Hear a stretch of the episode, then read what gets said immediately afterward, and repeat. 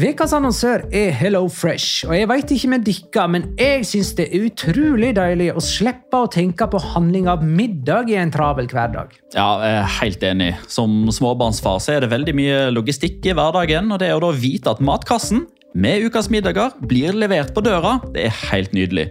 Da slipper du impulskjøp på butikken når blodsukkeret er lavt, og når du kommer hjem, kan du bare ta ut posen med dagens ingredienser fra kjøleskapet og sette i gang matlaginga. Ja, Du kan velge mellom 25 ulike retter hver uke. Og de har faktisk en egen kategori som heter Raskt og enkelt, med masse enkle og gode oppskrifter. Veldig greit å ikke måtte ty til takeaway hver gang det er hektisk på jobb. Jeg gleder meg spesielt til sterk chilikylling i min neste kasse. Jeg blir sulten bare av å tenke på det. Ja, Det er ikke feil med bacon og cheeseburger heller, da. Og det som også er bra, er at matkassen koster det samme hver uke, som gjør det enklere å holde matbudsjettet. Ja, og så blir det ikke matsvinn heller, fordi du får akkurat det du trenger til hver eneste rett. Hello Fresh kan absolutt anbefales, og bruker du koden vår, LIGALOCA, kan du få opptil 1779 kroner i rabatt på de fem første matkastene hvis du ikke har prøvd Hello Fresh tidligere. Du kan også prøve koden hvis du har avslutta abonnementet ditt for tolv måneder siden eller mer. Gå inn på hellofresh.no og bruk koden LIGALOCA. Bon appétit! Hallo? Jeg kommer fra Oslo politikammer. Ine Jansen er purk. Er du purk? The motherfucking bitch. Alt jeg vil, er å finne ut hva som skjedde med mannen min. Jon Carew. Er jeg sikta for noe? Iben Akeli. Det er du. Ole So, Lars Berrum og Big Daddy Karsten. Hvem sin side er du på, egentlig? Anette Hoff, Tone Danielsen, Kommer du fra Afrika? Jørnis Josef, Nesten. Kløfta. Trond Espen Seim. Det er synd å si det, men det var feil mann som døde. Purk.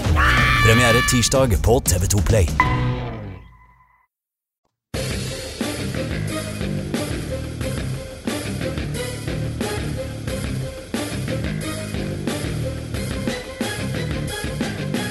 Har du sett? Etter flere målrike Madrid-derbys i det siste kom virkeligheten tilbake med et ganske sjansefattig 1-1-oppgjør i helga.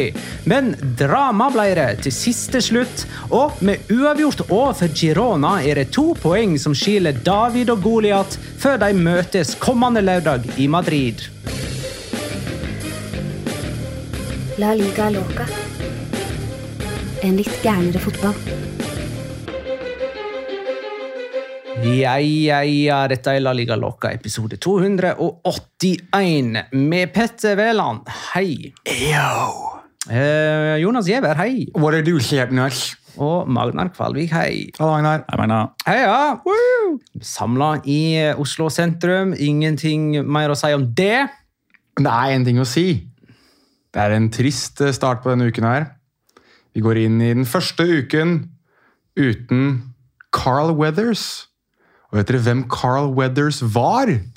jeg visste ikke det før eh, folk begynte å skrive om han i discorden vår, som du får tilgang til gjennom patreon.com. slash la liga loca. Det er helt riktig. Nå er Apollo Creed død. Også på ekte. Nå er Carl Weathers død. Altså, Ikke spoil og si hvordan det går med han i Jeg har ikke sagt noen ting! Nei, men altså, jeg, må, jeg føler bare jeg må stoppe deg før du, du bare snubler uti det. Carl Weathers, også kjent som Apollo Creed Han spilte Apollo Creed i filmene, er død. Han gikk bort 1.2.2024. Legende. Absolutt. Eh, Det er jo bare en, eh, det er en drøy måned til Oscar-utdelingen, og han vil jo da bli, være en av de som uh, flyger, Hedres. måtte flyge, flyge over skjermen i hva er det? In Memoriam. Ja, Mm. det er han og hvem andre Eh, Det er ganske mange. altså I løpet av et år så, så er det mange som går. Ja. Eh, og eh, året går eh, så fort. Jeg tenker liksom, ah, Var det i år at han eller hun døde? Ja, for jeg så Emmy-utdelingen, og da var det han Å eh, gud, hva heter han? Han som spilte i Friends. Ja, Matthew Perry. Matthew Perry. Mm. Ja, Det er jo ganske nylig. Ja, det var liksom den store. Da sang de I'll Be There For You, disse musikerne. When you're there for me too. Ja, Ja. riktig. Veldig bra, Nei, men eh, Veldig kult at det ble litt rocky prat i, i dag òg. Ja, Veldig kult at det var i forbindelse med døden, eller? Ja, eh, altså før vi, eh, Da kan jeg jo nevne det. da, Før vi trykte record her nå, så prøvde vi å avtale et, en ny dato for å samles og se Rocky. Og hvem var det som sa ja denne gangen? Eh, Jeg tror ingen sa ja, for at én rakk å si nei først. Det var meg. Da, og, og da var det uaktuelt. Denne gangen jeg, altså, jeg, har ryddet det som er av agenda for å kunne se Rocky med dere, og så er det en eller annen primadonna på siden her Men kan. nå uh, må vi gå videre. Uh, jeg kan ta dette spørsmålet fra Bendik Vollmann med en gang. Kan vi altså han spør oss da, kan vi, om vi kan sette av 30 sekunder til å forklare det spanske begrepet som på engelsk blir oversatt til 'suffer'? Uh, siden det er Ja, Ja. Ta, det en gang til. Sofrimento. Ja, Mm. eh, siden det er en gjenganger i intervju. Eh, og han får det liksom ikke helt til å passe eh, at laget lir seg gjennom kamper på norsk. Ja, jeg kan prøve å forklare det. Um, det er jo veld, altså det er både spansk, men jeg forbinder det veldig mye mer med Latin-Amerika. Altså, Asofrir er en måte å komme seg gjennom kamper på. Altså at Du klarer å lide, altså at du ligger dypt da, og la motstanderlaget angripe angripe, mens du egentlig bare står og forsvarer. Det er jo en form for sofrimiento. Altså Atletico Madrid var jo Los Reyes de Sofrimiento en gang i tiden. Da de på en måte klarte å ligge i ramma og forsvare til seg 1-0-seiere, f.eks. Ligge i ramma betyr bare å holde formasjon, eller? Ja, men at du ligger veldig dypt. Ligger veldig dypt i din egen sone. Kompakt og dypt. Um, så det er en egen form for forsvar, men som da betegnes som en lidelse. Petter? Det var et halvt minutt, det. Tiden er ute, rett og slett. Eh, Petter kom ikke til orde her. Ja, Var det noe feil? Nei da, jeg stiller meg bak deg. Jo, jo, men eh, da, det er jo liksom Men det er det samlebegrep som alt som har med litt sånn følelser å gjøre, som gjør at du får litt puls og blir sliten og alt sånt. da. Ja, så fins det et godt norsk ord. Nei. På engelsk er det, blir det blir Nei, det, som suffer. nei, men altså, Eh, ja, men altså no, Noen ganger så har du spanske uttrykk som ikke lar seg direkte oversette til norsk. som vi ikke har det. Cambiar el chip, for eksempel, Nei, men på vi må finne et godt Altså, norsk ord, da. Det blir vår oppgave til neste mandag. Okay. Da, da går vi i gang med runde 23, kamp for kamp. Eh, og etter at vi har gått gjennom runden, så skal vi selvfølgelig også ha spørre Petter til slutt i episoden. Så uh, runde 23, kamp for kamp, høres sånn ut. Atletic Mallorca 4-0. Juri Bercice skåra to sesongens målkandidater i løpet av kampens første kvarter, og da skjønte Mallorca at det var en sånn dag og kunne like godt kaste inn håndkleet. Neste kamp for Atletic er på onsdag denne veka. Det er første semifinale i Copa del Rey mot Atletico Madrid på Metropolitano. Neste kamp for Mallorca er på torsdag. Det er første semifinale i Copa del Rey mot Real Sociedad på Son Moix. Vi skal snakke om begge kamper i bonusepisoden på fredag. Korrekt. Valencia Almeria 2-1. Uh, Almeria har nå tangert en trasig rekord med Sporting Gijon. Ingen seire på sesongens første 23 serierunder. Almeria møter Atletic Club til helga, der de kan gjøre rekorden til deres egen. Så ikke tilbake til den kampen her. Uh, jo, vi kan eh, komme tilbake til den kampen der. Ok. Granada Las Palmas 1-1. Den skal du ikke tilbake til. Nei. Granada fikk rødt kort etter 20 minutter, men tok li likevel ledelsen før pause og holdt nullen til det 68. minutt og rei av stormen etter det. Ikke så verst, men det er fortsatt fem poeng da, opp til trygg grunn.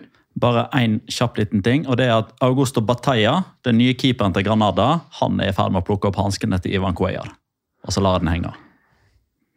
Shithousery. Eh, ja, Ja. det skjønner jeg da. Han kommer vi til å snakke veldig mye om eh, fram til mai, for da spiller han ikke i La Liga lenger. For da rykket ned? Ja. Mm. Ja.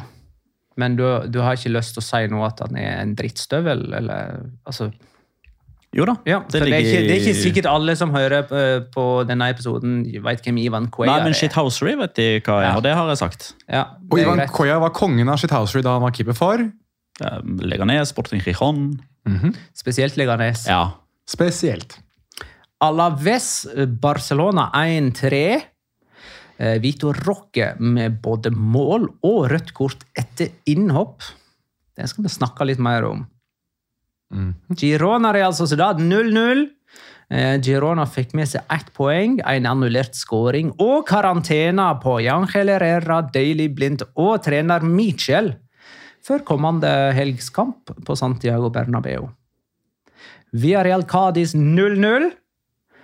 Eh, Maurizio Pellegrino har ledet Cádiz til to ganger 0-0 siden han tok over etter Sergio. Eh, Villarreal slo Barcelona forrige runde, mens de denne helgen kunne godta seg med at de holdt nullen for første Yes! gang på 14 seriekamper. Fytti. Skal du, skal du tilbake til den her på noen som helst måte? Ikke på noen som helst måte.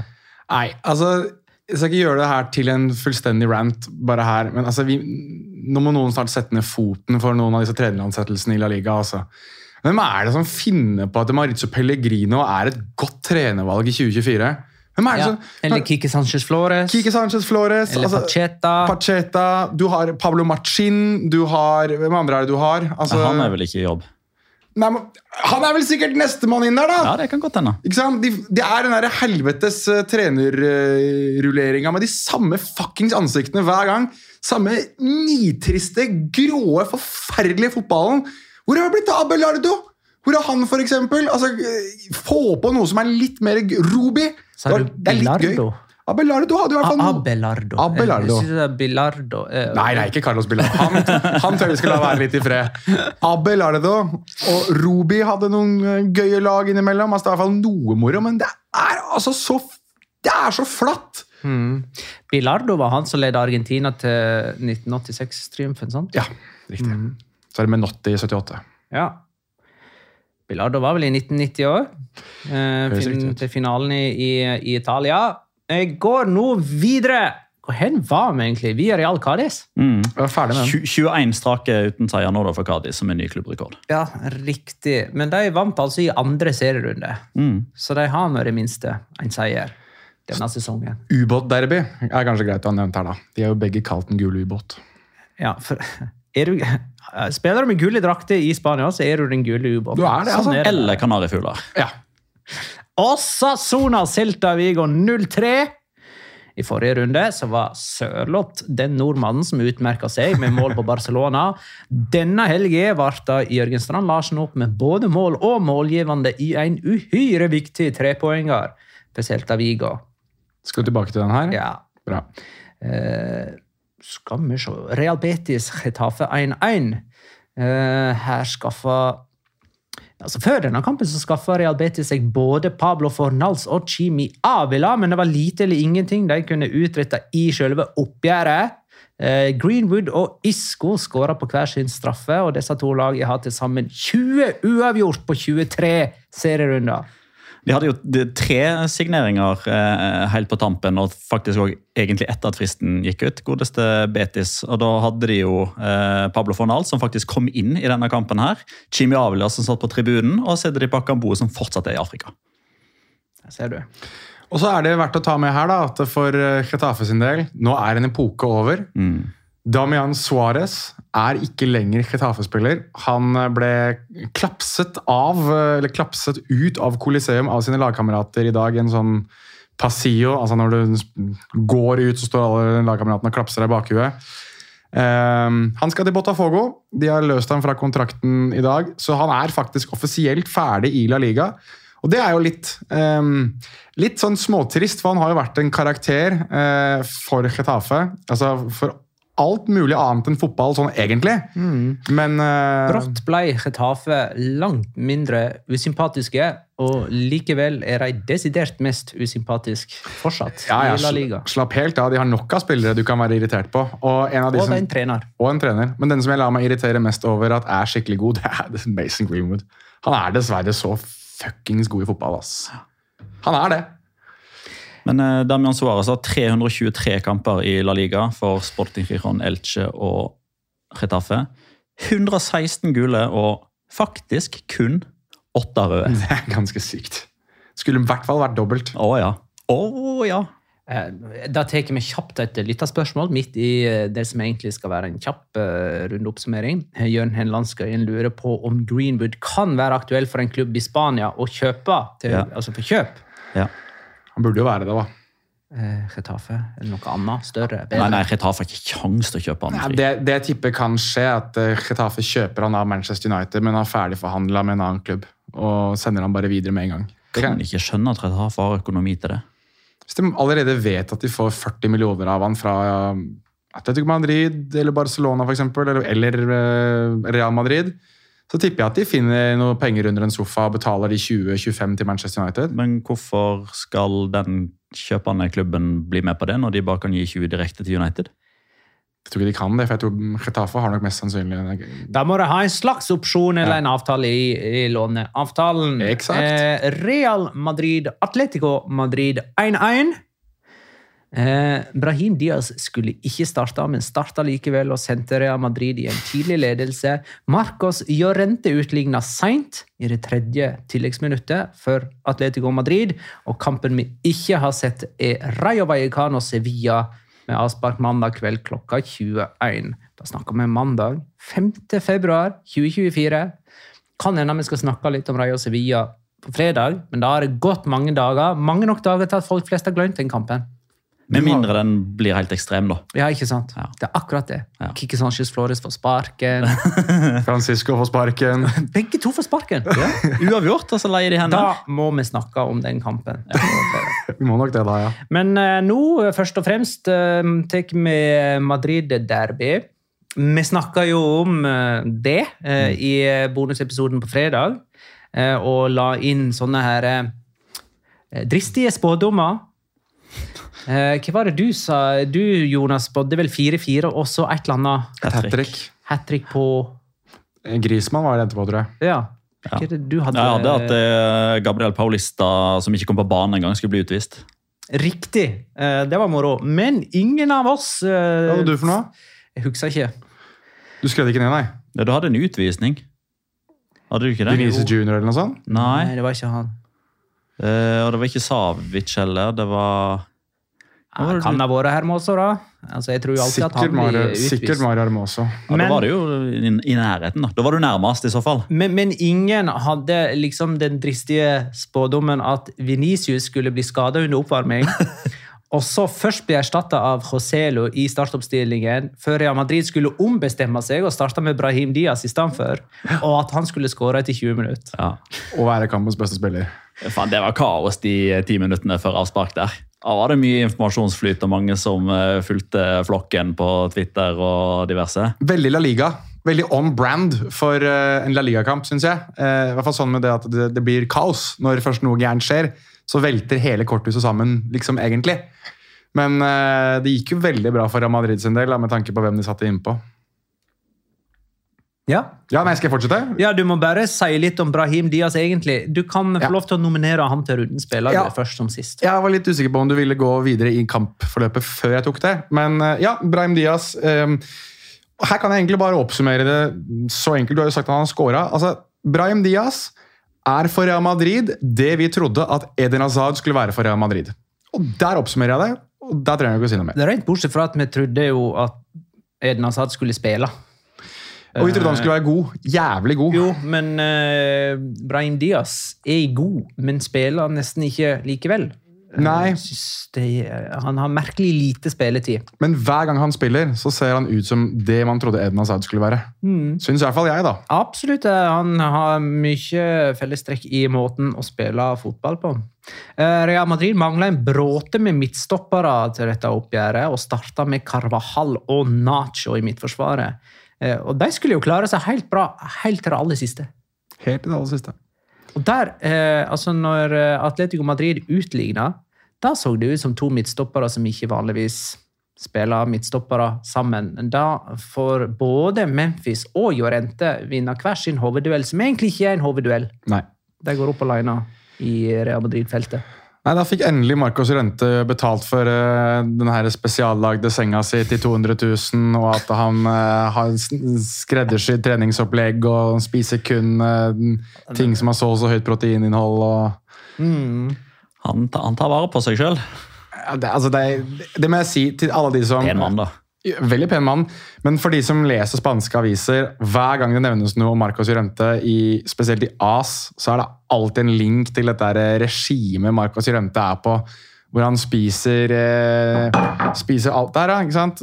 Litt grann uheldig med vannet, vannet her nå, det går helt fint. Men det var jo altså, mer kontroverser eh, i den kampen her enn mål, da, må vi kanskje si. Altså, dere snakket om at det ikke var noen hat trick. Jeg syns at dommeren her har noe et hat trick i å drite seg ut hva angår uh, dømminga. da. Skal vi ta det kronologisk, da, kanskje? Ikke det jeg, jeg husker ikke Jeg husker ikke hva som kommer først og sist. Men- første annulleringa. Ja, det mener jeg var det første. Real Madrid leda 1-0. Savic heada inn det vi tror er 1-1 til Atletico Madrid. Og eh, altså, Når jeg ser repetisjonen av skåringen, så, så mistenker jeg liksom ingenting. Jeg tenker ikke på noe tidspunkt at her kan videodommer komme og ødelegge for Atletico, men det gjør han da. Og det er for at Saul står inne ved keeper, eh, offside.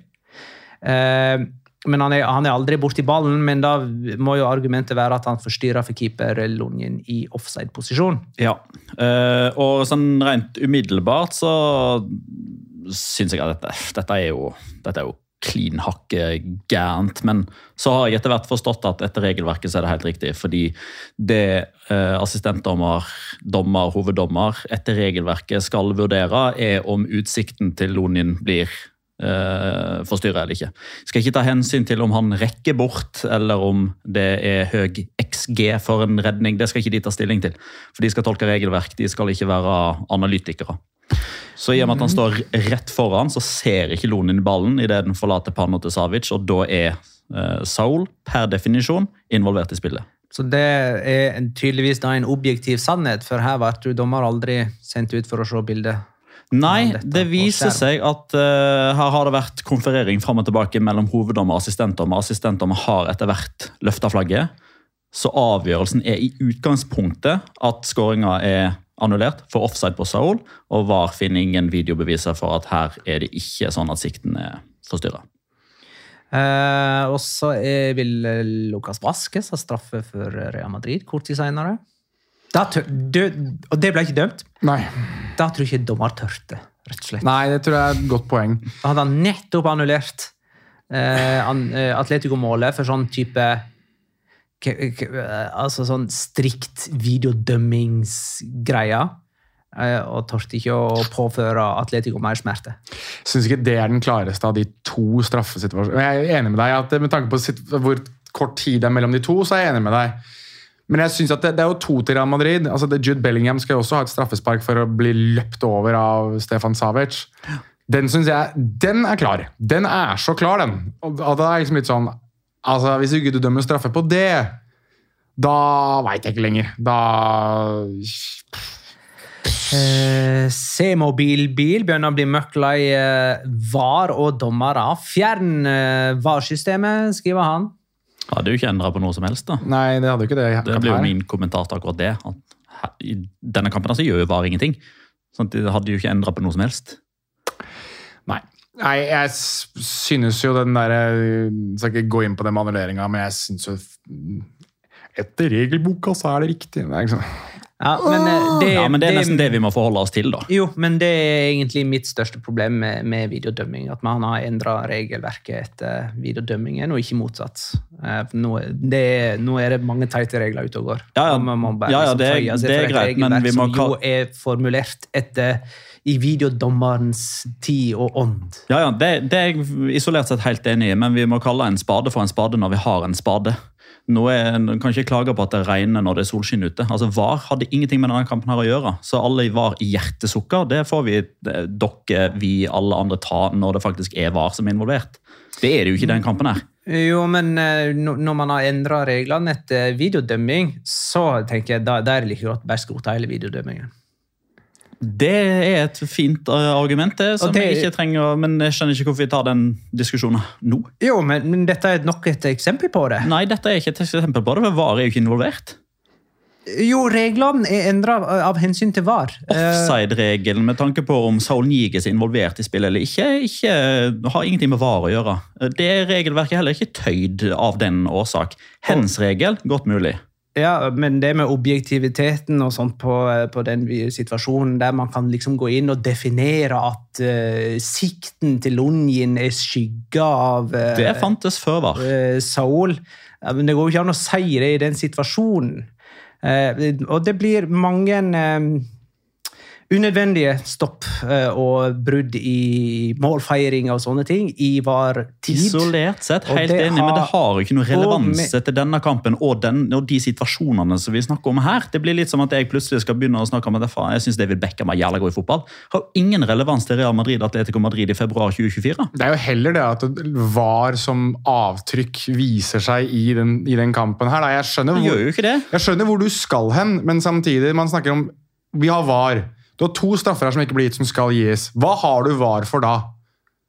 Er det ikke det VAR skal inn og gjøre da? Fikse på de situasjonene? Mener man oppriktig talt at etter regelboka så skal verken Lucas Vasques eller Jude Bellingham ha straffespark? Etter regelboka? Mener man det? Mm, Det er jo opp til dommerne å dømme. Ja, Ikke helt, opp til meg. helt åpenbart så er det opp til dommerne, men de snakker om clear and obvious error. Så tenker jeg på at de tre situasjonene her nå. Er det clear and obvious at Saul blokker sikten for Lunin? Ja. Du mener det er clear and obvious? Jeg spør deg. ja, det går ikke annet å betvile at Saul står i veien for Lonin.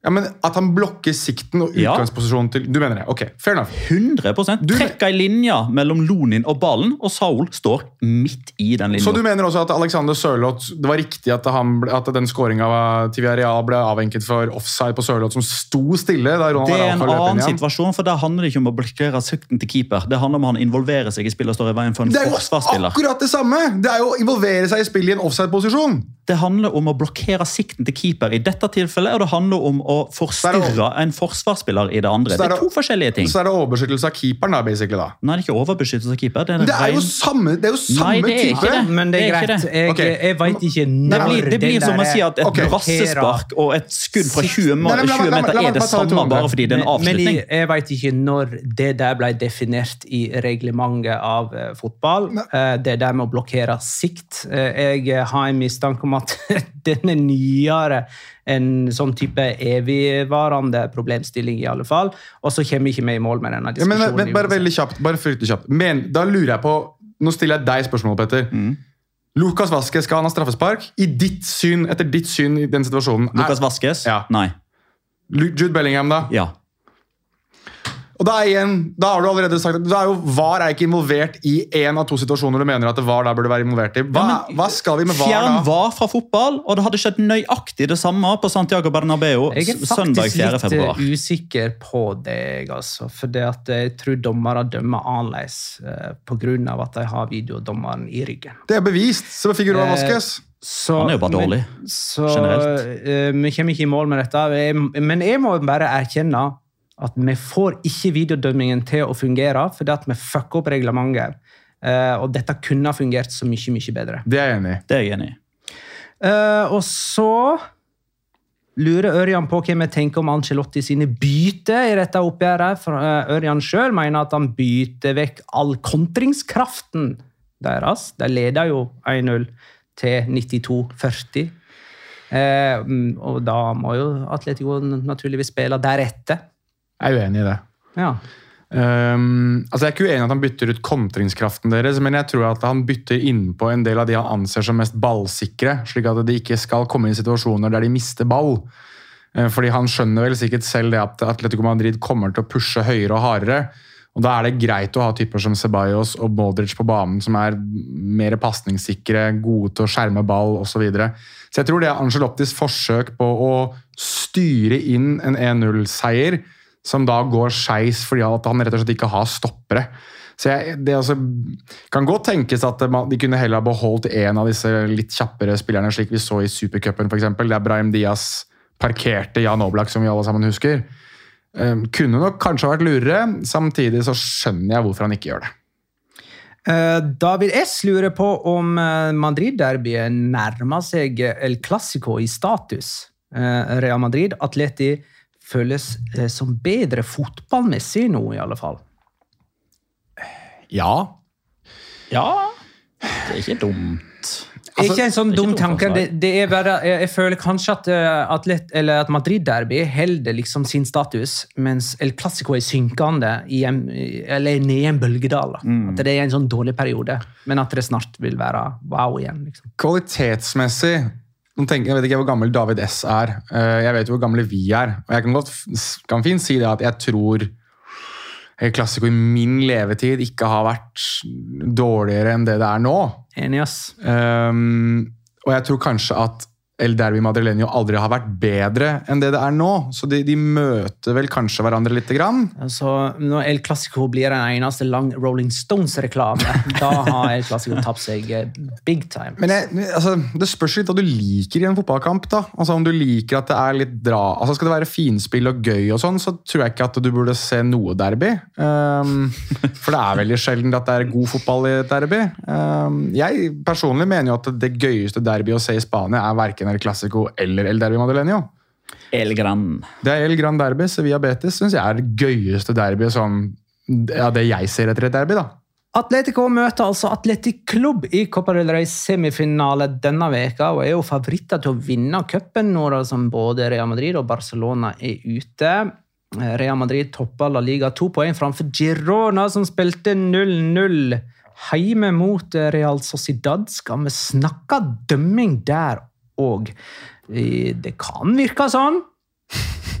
Vil Eh, bare, For Jankel Herrera skåra. ja.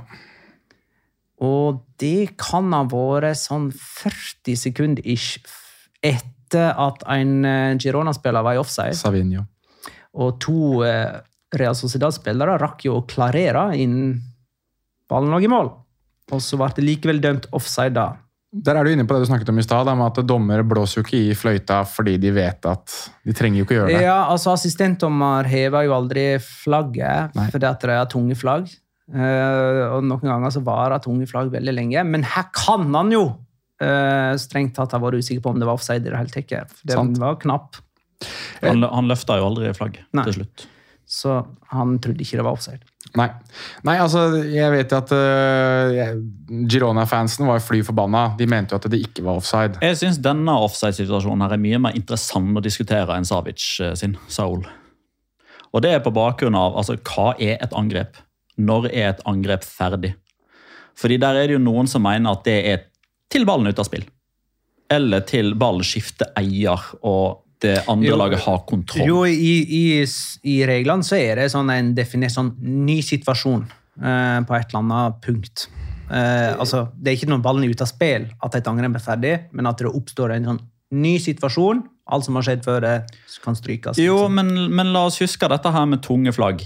Hvis assistentdommer hadde en feeling av at dette er offside, men jeg lar det gå til det oppstår en ny situasjon, da hadde han løfta flagget den første gangen Real Sociedad klarerer ballen unna. 100% Garantert. Det som skjer nå, er at pga. at han, han tror at det ikke er offside, så han løfter ikke flagget. Så det, altså, Savinho får ballen, prøver å legge inn. For en ny forsøk eh, klareres for andre gang, og på tredje forsøket så sitter han. Og Det er det Girona er veldig eh, indignerte for, at de mener at den offsiden den teller ikke lenger fordi det har blitt en ny situasjon. Det har skjedd mer, ja. Minst én gang, sannsynligvis to. Mens de som dømmer, da, altså han som er var i denne kampen, her, mener at nei, alt er en og samme situasjon fordi ballen ikke har gått ut av spill, og fordi Real Sociedad aldri har kontroll på ballen. Jeg synes Det er mye mer interessant å diskutere når er det faktisk en ny situasjon. Ja, altså jeg mener Ja, jeg, igjen, jeg syns Her igjen, da, så mener jeg at her har det gått for lang tid. Det mener jeg òg. Ja, jeg mener at det har gått for lang tid. Hvis ikke du har blåst en offside eller fått det på øret fra VAR, eller fra, no, altså fra hvem det måtte være, da, om at det her er det en offside, du må blåse i fløyta, så tenker jeg at her må du la det gå. Uh, du kan ikke hente opp en offside fra lenge etterpå. Uh, skjønner at det mest sannsynlig hadde blitt brukt da i, i Madrid som et argument for at her er det noen som prøver å ødelegge for Real Madrid, og prøver å hjelpe Girona. Eh, men personlig så tenker jeg at Altså hvis situasjonen, Det samme med Almeria og Valencia også. der hadde Vi ikke ikke å snakke alt om, det, om den kampen der, men der hadde du også en situasjon der dommer bruker altså fem minutter til å titte på en avgjørelse. Altså det, det blir dømt hens til slutt på Edgar. Men hvis du trenger fem minutter på å avgjøre, da har det gått for lang tid. Altså Jeg mener at tidsbruk er litt viktig her. da, Både i henhold til situasjonen, men også i henhold til hvor lang tid du bruker på å bestemme deg i, i den situasjonen. De, Ja. to, de to tingene der mener jeg er Ja, de er forskjellige, men det er litt sånn same, same but different. Her tar det for lang tid. Da Ja. må du la original avgjørelse stå. Mener jeg. Eller så kan du kaste var på sjøen, for det fungerer ikke. Det er jo den andre tingen du kan gjøre. De må gjøre endringer på dette, ellers kan de kaste var på sjøen og ikke bruke det igjen noen gang. Uh, Dovbik spilte ikke for Girona. Nei. Og da så du hvordan det gikk. Eh, Hvorfor ikke? Altså, Han har nå stått over to Girona-kamper denne sesongen og det har blitt uavgjort mot begge. I begge kamper, og begge mot baskiske lag. Det ble 1-1 mot Atletic og 0-0 mot Real Sociedad. Så det der må ta slutt òg. Skulle i begravelse til Carl Weathers eller sånt nå, tenker jeg. Sikkert. Sånn er det Du når Ivar- å, du har lyst til å spoile igjen, du nå. Nei, Du nærmer deg spoiling. Ja, jeg gjør det. ja, ja. If he dies, he dies. Det er alt jeg har å si om det. Um, nei, var han skada, da, eller? Ja, ja. Ja, da, da har vi svaret på det. I tillegg så ble jo både Aleix Garcia og Tsigankov bytta ut underveis i kampen. Så han har tatt ut tre av sine fem beste spillere denne sesongen. Sånn sett så bør vi kanskje snart tenke at det var et sterkt poeng, istedenfor å tenke at faen, de skåra ikke, de vant ikke. Og som om ikke det var nok, så fikk Jangel Herrera urutinert nok et eh, gullkort på tampen av oppgjøret, som setter han ut da mot uh, Real Madrid. Hvis du kaller Jangel Herrera for urutinert, så lurer jeg veldig på hva du skal kalle Daily Blind for nå. Og så fulgte Mitchell opp med å protestere på noe som ikke ble frispark, og fikk rødt kort, så han kan ikke være på Santiago Bernabeu. Og så klarte Daily Blind å snakke på seg et gullkort etter kampslutt. Gjette... Og eh, han er gammel, såpass at han har vike som matcher mine, liksom. Ja, og mine for så vidt òg. Gjett den som dømte den kampen, her, Magnar. Nei, Eh, nei det husker jeg ikke. Kom igjen, Petter. Hilman sa nå. Ja, selvfølgelig. Selvfølgelig. Han, det, vi har jo fått en ny stjerne i La Liga på Ja. trenerbenken. vet du. Michel Sanchez, han skal på lista. Du du er ikke ordentlig stjerne før du har blitt utvist Altså, av den, den Sano. lista til Hilman Sano, det, det er som om Kanye West skal ha liksom, gjestelista til bursdagen sin. Ja, Liksom. ja, ja. Altså, det er stjerne på stjerne på stjerne på stjerne. Men får de i det minste Dovbyk tilbake fra skade? De får Dovbyk tilbake når de har uh, lagt inn anke på både Blindt og Michel. Men ikke Jankel Herrera. Nei, for den skjønner jeg at den, der kommer ingen vei. Amaria, Amaria como una casa, som man sier på spansk. Uh, ja, nei, Når Girona da gjester Santiago Bernabeu lørdag, uh, så gjør de det som nummer to på tabellen med 56 poeng. Og kun to ganger tidligere har lag nummer to på tabellen hatt mer poeng etter 23 serierunder. Og det var Real Madrid begge gangene, med 57 poeng i 2011. Da var de bak Barcelona. Og i 2014 da var de bak Atletico Madrid. Det var da både El Derbi og El Derby og El Clásico var gode. Ja, ikke sant? eh, og eh, nå, nå er på en måte Girona med i det selskapet der. Som vi snakker de fire store i eh. Ja, du skal dit, ja. Ja, vet du Unnskyld, det, vi skal ikke nå inn på diskusjon om det, men det er en interessant greie at vi klarte på et tidspunkt, husker jeg, at vi hadde omdøpt de tre store, altså Atleti, Real Madrid og Barcelona, til de fire store, for at Sevilla veldig tydelig hadde peilet seg inn i den gruppa der. Eh, det er litt, litt sånn Mange tenkte at det var midlertidig, men ikke så midlertidig. Nei, det, det eldet, eh, eldet litt som dårlig melk som har stått ute i solskinn eh, midt i juli. Eh, dette var Real Sociedad sin tiende uavgjort og deres femte 0-0-kamp denne sesongen. Deres andre 0-0-kamp på rad. Og i desember så hadde de jo tre strake 0-0-kamper, hvis man inkluderer da Champions League i Milano mot Inter. Så den prøver jo de å tangere nå. De møter jo Mallorca borte i Copa del Rey denne øh, veka, og, og da vil jo 0-0 være et helt greit resultat å ta med seg til returoppgjøret på Anueta. Ja, de er jo blitt et cuplag, Real Sociedad. Så mm, de kommer vel sikkert til å ta seg til den finalen, skulle man vel tro. Ganske store favoritter der. Hør på denne, da. Real Sociedad har holdt nullen i 13 av 20 bortekamper denne sesongen. Oi, ja, det er imponerende. Det som er litt gøy med for øvrig, bare for å tatt det, det som er litt gøy med disse to semifinalene, er at du har to atletiske lag mot to kongelige lag.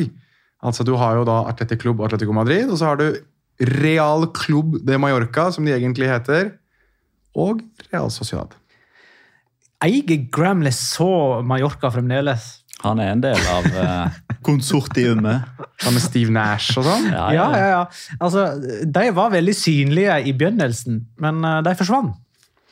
Ja, Men, eh, høres han- ut som eier i spansk fotball. det. De er synlige i starten, så forsvinner de ganske kjapt. Eh, Vi må snakke om Alaves Barcelona, der eh, kanskje det mest interessante var det som skjedde med og rundt Vitor Roque. Du må ta først at eh, faktisk Robert Lewandowski så ut som Robert Lewandowski på skåringa si. da. Ja, hvis du vil bestemme rekkefølge på ting vi skal snakke om, så kan vi godt gjøre Ja, det. ta det Han første først sendte Barcelona i ledelsen. Mm, eh, og det var første gang denne sesongen at han skåra kampens første mål. Det gjør. Eh, I fjor gjorde han det åtte ganger. hele tida. Så bedriten er Alaves at til og med Robert Lewandowski klarer å finne veien til nettmaskene. Uh, ja, kan vi nå snakke om Vitor Roque, eller? Det kan vi. Ja. Ja, ja ok, greit. Vil noen snakke om han for det? Altså, han er 18 år. Han har spilt 93 minutter i La Liga. Han har skåra to mål og fått ett rødt kort. Jeg har, en, jeg, har, jeg har en liten tendens om at han ikke klarer å holde det snittet oppe. Eh, Sivert van Morik sliter med å forstå det andre gule kortet til Vito Rocke på lørdag. Eh, og så har han lest en plass. Ja, nei, Jeg kan godt bare svare med en gang for Sivert van Morik om at eh, når han får sitt andre gule og dermed rødt, så er det lite videodommer kan gjøre. Eh, bare sånn at det Det Ja, er ingenting, faktisk. eh, Man kan ikke trekke tilbake gule kort, med mindre det har blitt delt ut til feil person. Eller, eller at det skal være et rødt kort, direkte rødt kort istedenfor. Ja, det kan, eh, sånn kan man endre det. Men hva skjedde? Altså, hva skjedde? Altså, det som skjer er jo at eh, Primært så er det jo da Famarin som går inn i duellen for å takle. Eh, og han er først på ball med venstrefoten sin, som er stiv med knotter først. Eh, og den bevegelsen får jo altså Vitor dere ser jo at her kommer en tidligere Real Madrid-spiller inn i hundre og helvete. Eh, Det som skjer da, at I stedet for å gå inn for å forsøke å ta ball, så løfter han foten sin for å unngå å bli kvesta, egentlig. Eh, og av tilfeldige årsaker så er da foten hans, høyrefoten hans i en sånn høyde og en sånn posisjon at den treffer høyrefoten til Rafa Marin, som eh, utnytter situasjonen til det fulle da, med å få veldig vondt og ligge og hyle og skrike. Og... Dommer feiloppfatter da situasjonen som om at dette her er en forseelse av Vitor Rocke. Og hadde det vært en forseelse eh, Nå skal jeg sitere Henning Berg. Det kan godt hende at eh, sitatet ikke er 100% ordrett, men dommer må dømme ut ifra det han ser, ikke det han tror han ser. Jeg husker Henning Berg ble veldig latterliggjort for en sånn eh, avgjørelse. for Han mente at Lyn skulle ha straffe, for det så sånn ut for dommeren. og Da burde dommeren ha dømt straffe, selv om det ikke var det. Um, men han feiltolker jo situasjonen. Han tror at Vitor Roque gjør noe som han ikke gjør. Uh, hadde han gjort det dommeren trodde at han gjorde, så er det riktig med gult kort. Men det, det er det jo ikke. Nei.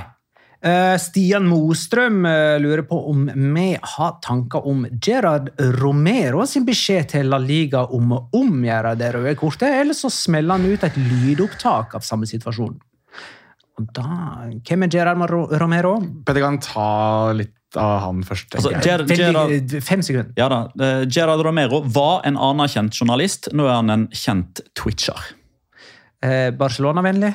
Veldig. Vel, han sitter jo i Barcelona-drakt. Eh, og bare sånn, det, det er sikkert lost in translation, men det eh, Gerard Romero sier, er ikke at han har et lydklipp av den situasjonen. Han har et annet lydklipp, for han driver jevnlig nå og lekker videolydfiler fra tidligere kamper og tidligere sesonger. Mm, eh, Dommersamtaler Ja, altså VAR-situasjoner. Mm, For nå, fra og midten av januar så har jo eh, det spanske fotballforbundet offentliggjort alle avgjørelser som eh, behøver en monitorsjekk. Eh, Gerard Romero sitter på masse klipp og bare venter på riktig tidspunkt å legge de ut på. Fordi Så- det er en mann i forbundet som har lekt veldig mange lydklipp til Gerard Romero. Som Gerard Romero mener er avslørende Ja. samtaler. da. Ja. Som Så dette liksom er rett og slett et forsøk på uh, Altså, det det er blackmailing. Ja, eh, det er Det er et. Et forsøk på å påvirke dommerstanden i det hele tatt. Altså, og han sitter også i et sånn Twitch-studio eh, med caps. Altså, han driver med noe som heter Gigantes, som er liksom hans store greie. Så han sitter med Gigantes-capsen sin på Barcelona-drakta si på og snakker direkte inn i kamera der han truer da det spanske fotballforbundet. Altså, du har ikke, altså, ikke engang Al Qaida tidligere på 2000-tallet leverte mer terrorvennlige meldinger enn det han driver med akkurat nå. Altså, Det er så fullstendig Jeg vet hvor kroppen til Jimmy Hoffa er, som du kan få det.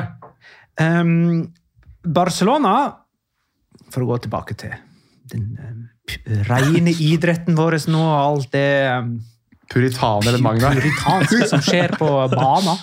Eh, Barcelona har et ganske greit program eh, om dagen. De slo eh, Osasona før helga, de slo Alaves i helga og møter Granada, som jo er fortapt.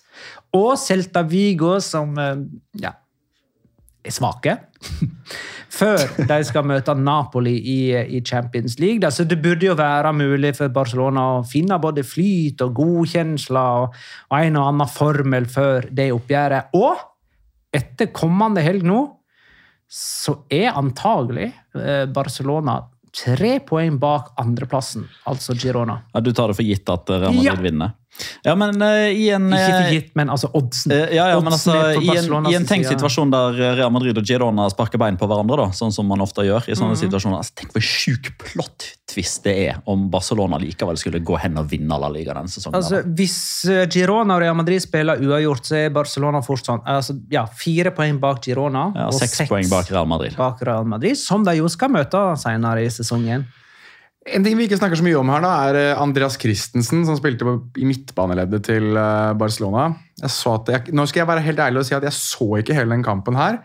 Eh, men jeg har lest veldig mange sånne mm, taktiske blogginnlegg og sånn, som sier at det kan være en slags taktisk nyvinning for Xavi i andre del av sesongen. Fordi at han er god i midtbaneleddet, stabiliserer midtbanen, gjør en del av den samme jobben som Busquets gjorde, altså ikke like briljant, men kan minne om den samme rollen.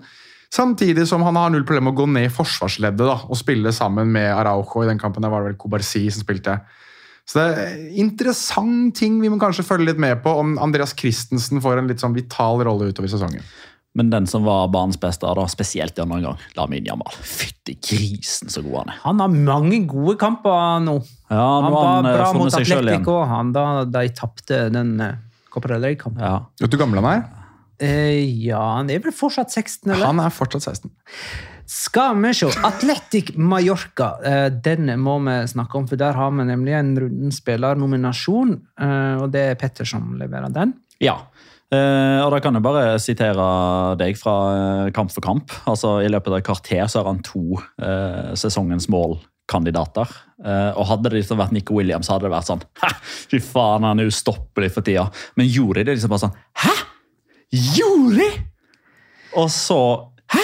Gjorde han det igjen? Helt nydelig. Eh, mål nummer to, Mhm. det er årets mål.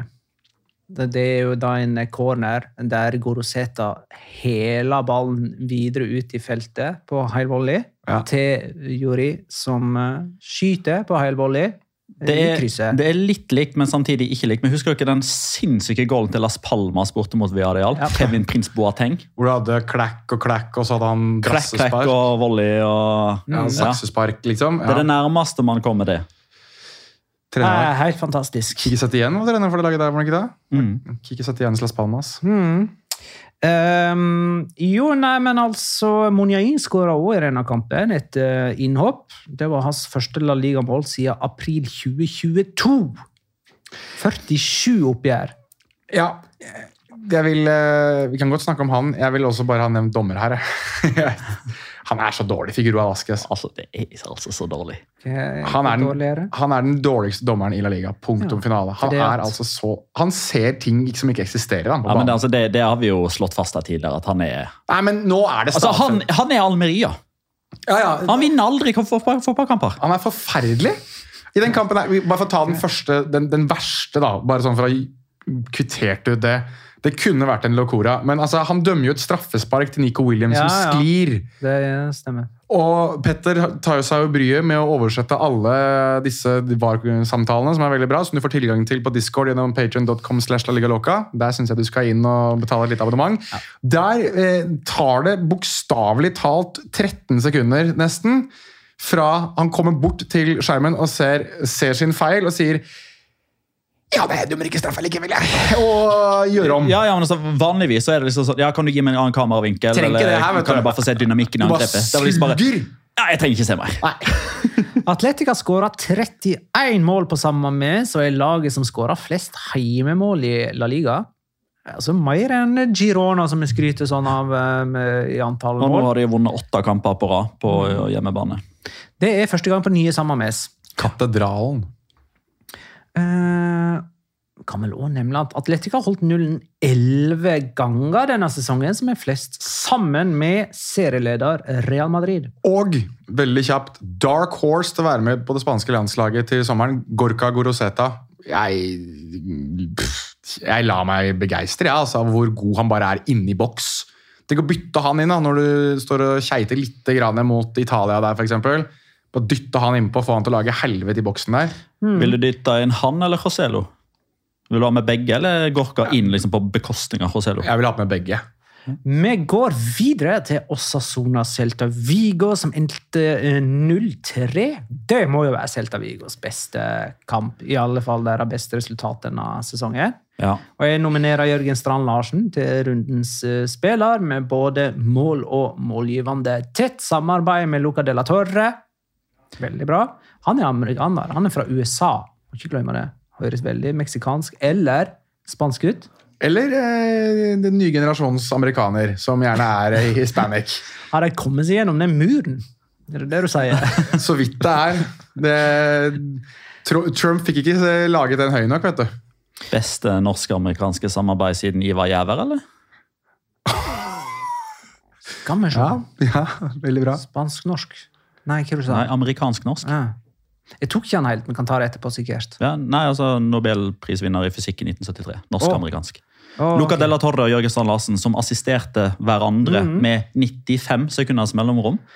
Eh, Det Jeg kan ikke slå 100% fast via Mr. Chip om dette er all time La Liga-rekord, fordi før 2004 så opererte man svært Altså i mindre grad med sekunder Ja. osv. Det er litt vanskelig å gå tilbake igjen.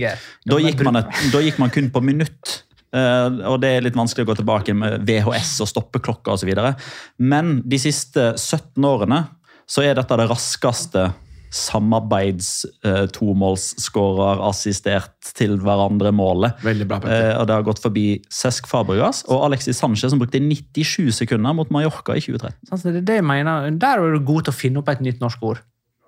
Og det er det der vi må klare til neste mandag. Mm. Vi skal finne det norske ordet for uh, Sofrir. Sofrimiento. Sofrimiento. Kan jeg eh, ta en, eh, en liten eh, call to action uh, veldig kjapt her? Ja. Jørgen Strand Larsen, nå er du to mål unna.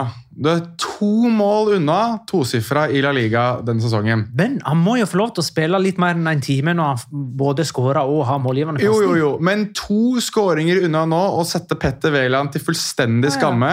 Ja, og det- Jeg trenger jeg, det. Jeg, sier, Hadde han fått 90 minutter her, så hadde han skåra de to målene. Ja. Ja, men, men vet du hva? Nå skal Jørgen Strand Larsen få en utfordring av meg. Nei, du, han har fått det allerede! Jo, jo, men den kommer han jo til å klare. Så han skal få en ny må forte oss. i det øyeblikket han passerer ti. Altså, den, den, fei, den feiringa Ja, okay. altså, skal han, få han skal få lov til å håne meg inn i kamera. Ok, ja. Gjør det, gjør det Jørgen. Hån fisker du etter oppmerksomhet. Altså, skal han gjøre det til la, i La Liga-kamera, liksom? Ja, Ja. Fisk etter oppmerksomhet. Lag, eh, lag, lag, initial, lag initialene PV med hendene dine, og så en finger inn i kameraet. eh, kan ikke du ha ei T-skjorte under drakt? Ja, ha, ha. La Liga Loca. eh, El podcast en Noruego. Fuck you, fuck you Petter Wæland. Stå på den T-skjorta der. Det hadde jeg betalt. Great motivator. Det hadde jeg, hadde jeg betalt så mye penger for. 12 MPSO Contigo. Meg og Kevin Roldan. Ja, det Kevin Roldan der. Oi, oi, oi. Det var Celta Vigo sin fjerde seier for sesongen. De er tre poeng over eh, nedrykksstreken for første gang denne sesongen. Altså, de har aldri vært så langt fra nedrykksstrek. Så er det masse sånne uten Jimmy Avila, vet du. Eh, ja, det kan du si. Uh, ja, Men uh, da skal vi ta litt Valencia-Almeria, tenker jeg. Trenger ikke å gå så mye inn i den kampen her. Nei, det er bare at Almeria, som altså har 23 serierunder nå uten seier, de har 6 uavgjort og 17 tap. Eh, og har faktisk tre poeng mer enn Sporting Gijon, som jo òg gikk 23 serierunder uten seier i 97-98. Men de hadde tre uavgjort og 20 tap. Eh, Men eh, ved neste ikke-seier Neste helg. Da møter de Atletic. Eh, Så Kvann spør jo, da. eh, Har dere trua på at de klarer å få et par seire i løpet av sesongen? Ja. Etter at nedrykket er klart. Ja, det, Da kommer de til å vinne ja, et. Det tror jeg er riktig. Men jeg tror ikke, altså sånn, de er hjemme nå mot Atletic. Det, det var jo det de var gode på i fjor. De vant jo nesten bare hjemme i fjor, at, uh, Almeria. Så de hadde jo knapt et poeng på bortebane. Så jeg regner jo med at det Jeg regner jo med at de mest sannsynlig kommer til å ta De må jo ta seieren sin på hjemmebane, mest sannsynlig, men det blir ikke den kampen her. Um, uh, og så lurer Kenneth på, når jeg er med over på Valencia, hva skjedde med at Paulista reiste fra Valencia? Nei, Valencia skal jo gjerne miste en uh, viktig spill i løpet av hvert vindu, så de var jo on brand det at de mista han. Men uh, ble han solgt? Nei, de slapp han vel på altså de, Holdt jeg på å si De ble enige om å terminere avtalen der. Ja, for at han har en sånn herre Han hadde vel en sånn automatisk eh, fornyelse. Ja, ved Det- 20 spilte. Ja, og, det vil ikke Petter, Petter Lim ha noe av. Nei. Så da kan du like godt gi han vekk Ja. midt i sesong til Atletico Madrid. Ja. Um, og så kan vi jo Så mista Soyuncu, de for øvrig. Bare for at de At de møter Atletico Madrid har jo mista Soyuncu, så Ja, han kommer ja, inn og ja. tar den plassen der. Så Eh, Ugo Doro og Jaremchuk skåra for eh, Valencia. Ugo Doro er oppe på tosifra antall av liga, uh, ligamål nå. mm, Uh, altså ti. ut. ja. Og toppskåreren til Valencia forrige sesong det var altså Kløyfert og Samuel Lino med seks hver. Så to mål til, så han skåra like mange som de to til sammen. Kavani hadde fem. Husker dere det? eller? Jeg hadde han som årets toppskårer i fjor. Eller sesongens toppskårer. Men eh, du, du, du glir jo Skal du faktisk litt innom den kampen, her, så kan jeg ta det kjapt. Du glir jo bortom det som er Eller bort fra det som er liksom kampens høydepunkt her, for min del. Minutt 23. Romani Ramchuk skårer. Tar av seg drakta. Minutt 23. Minutt fuckings 23 bestemmer du deg for at nå skal jeg feire og dra av meg trøya. Du har til og med Pepelo som går bort og sier sånn Ja, ja. Nå må du kompis, bruke nå huet." må du bruke huet! Men han kom seg gjennom det. Ja, det var Så- bare så vidt. Ja. Faen, for en dust, altså. Men nå er altså Valencia på e-cup-plass. En preliminær e-cup-plass. Da tar det for gitt at syvendeplassen spiller Europa sånn som de gjør alltid. Ja. Ja. Nei, men da er det tid for Locora! Ukens La Liga Locura. Locura. Locura. Locura. La Liga Locura.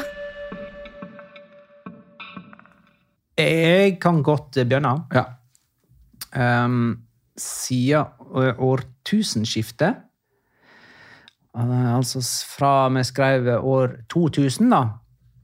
Så er de to raskeste utvisningene i Barcelona uh, begått av eh, ja, På andreplass Vito Roque, som eh, fikk rødt kort etter åtte minutter på banen nå mot Alaves i helga.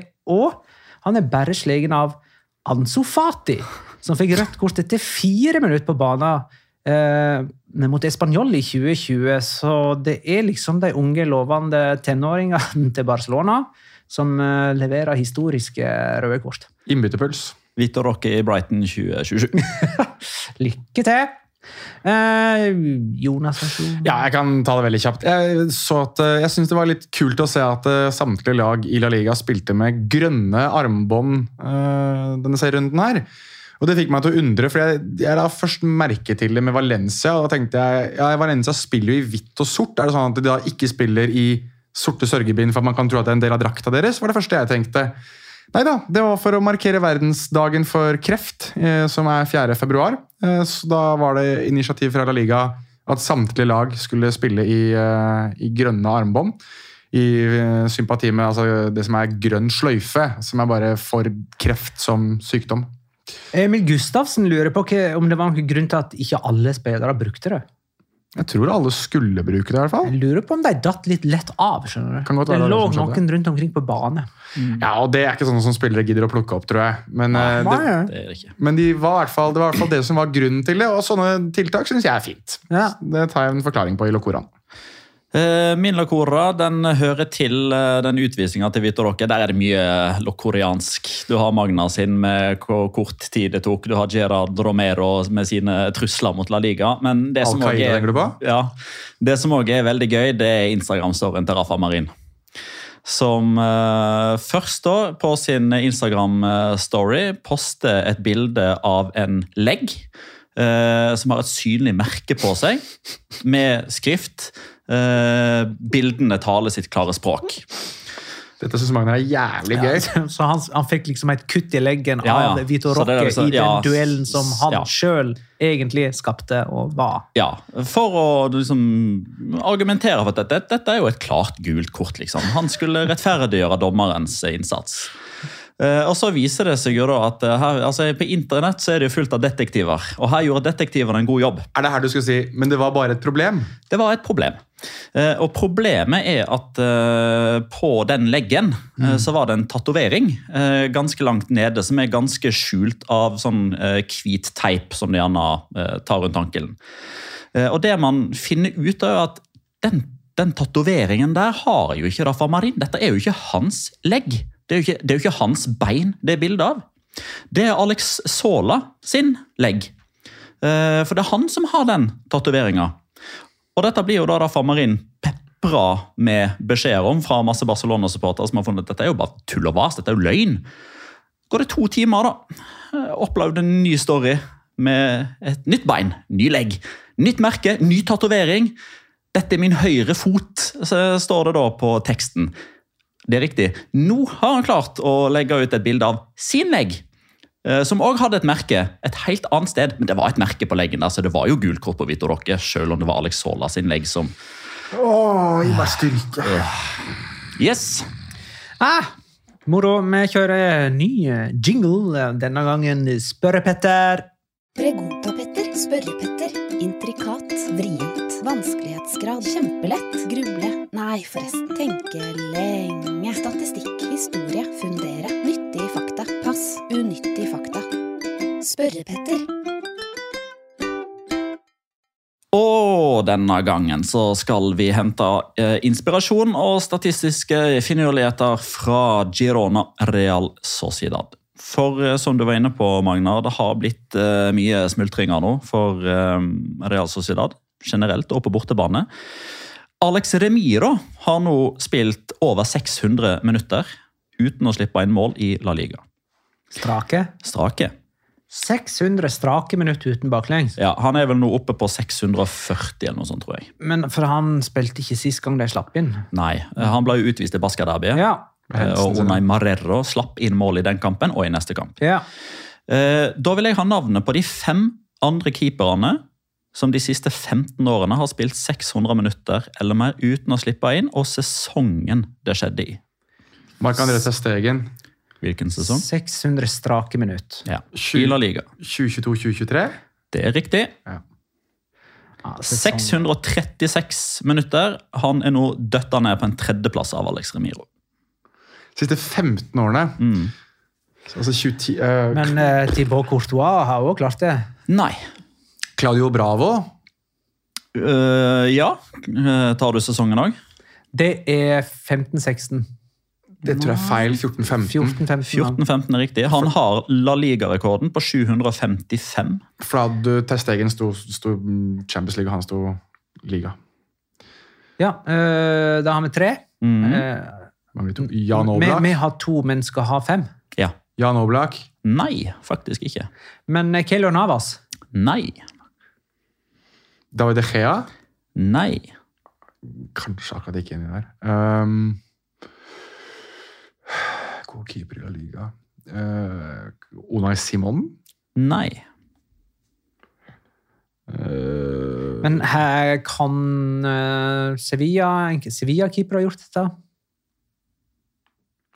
Hva heter han i så fall? Thomas Watzløk. Nei. Nei. eh, men jeg tror de holdt null noen ganger. Jeg Prøver vi på Bono? Jeg. Nei. Beto. Nei. Diego Rico. Nei. Eller Se- Sergio Rico, mener jeg. Nei. Andres Palop. Nei. Nei, men eh, drit i Sevilla så lenge, da. Skal vi det? Jeg ville gjort det. Ja. Fuck you, da. Eh, Betis, da? Har de hatt noen gode Nei, de slipper jo inn så det renner.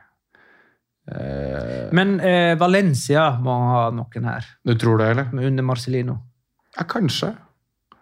Jasper Sillesen? Nei. Han kan ikke ha hatt null. Neto? Nei. Ikke Diego Alves. Nei. Nei, ikke sant? Skjønner du? Det går ikke, ass. Hvis det er noe, keep, hvis det er noe straffestatistikk der, så har jeg Diego Da svarer alltid Diego Alves. Der er han alltid nummer én, men utenom det så kan det ikke være noe. For altså, du har ikke, Det er ikke klart på en merkelig måte at Georgi Mamardashvili har hatt Nei. Nei, det kan jo ikke ha gått, det heller, ikke sant? Ehm, Men uh, Moya, holdt ikke han null noen uh, kamper? Det har han sikkert gjort, men ikke i uh, sju på rad. Diego. Lopez. Nei. Han har jo stått så jævla lenge. Så. Det, det, dere mangler tre rekker. Det er én keeper som har to av dem. Ja, Mark André tar stegen to ganger, da. Nei. Er Claudio Bravo to ganger? Nei. Så det er én en keeper som ikke har nevnt, som har rekken to ganger. Mm. Så det her må jo være mest sannsynlig en Atletico Madrid, nei, en Barcelona eller Real Madrid-keeper. da. Victor Valdez, Riktig. Når? 1011. Nei. 0809. Ja. 676 minutter. Er den andre 910, da? Har han to ganger, da? 910? Ikke 910. Men har han to ganger? Ja, han har visst det. Ja. Da er det 1112, da. Da er det 11-12. 628 minutter. Og Da mangler dere en som hadde 620 minutter. Han er såpass vanskelig at dere skal få sesongen. Carlos Cameni. 2015-2016 sesongen. Jeg sa Carlos Camene. jeg. Nei. Malaga. Oh, for en keeper han var. Han var keeper, da. Ja, ja. 15-16 Jeg tror han var der. Han, ja, han var der sikkert da òg. Ja, anyways, har ikke så mye å si. 15-16.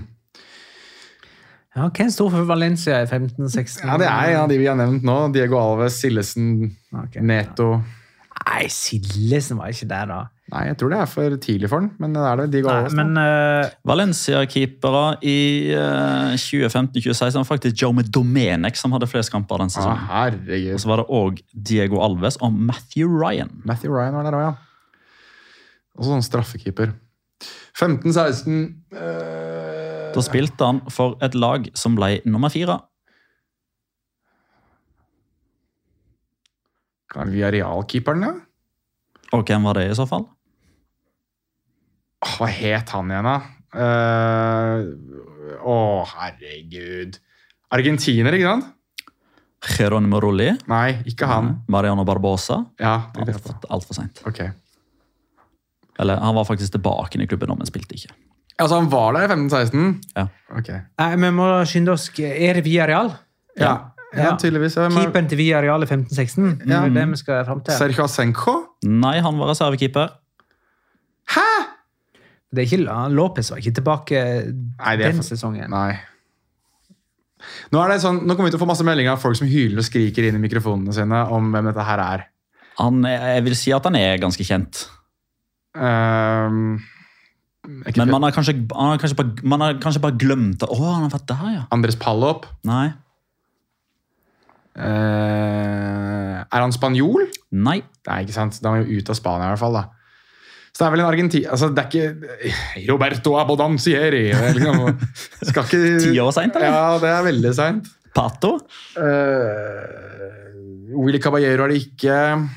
Uh, Han er ikke fra Sør-Amerika. Alfonso Areola. Ja, det er riktig. Så bra.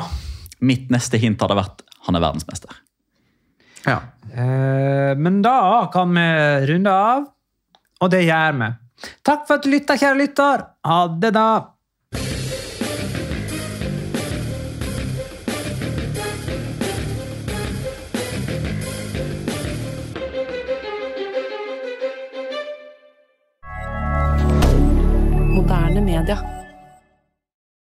Har du et enkeltpersonforetak eller en liten bedrift? Da er du sikkert lei av å høre meg snakke om hvor enkelt det er med kvitteringer og bilag i fiken, så vi eh, gir oss her, vi.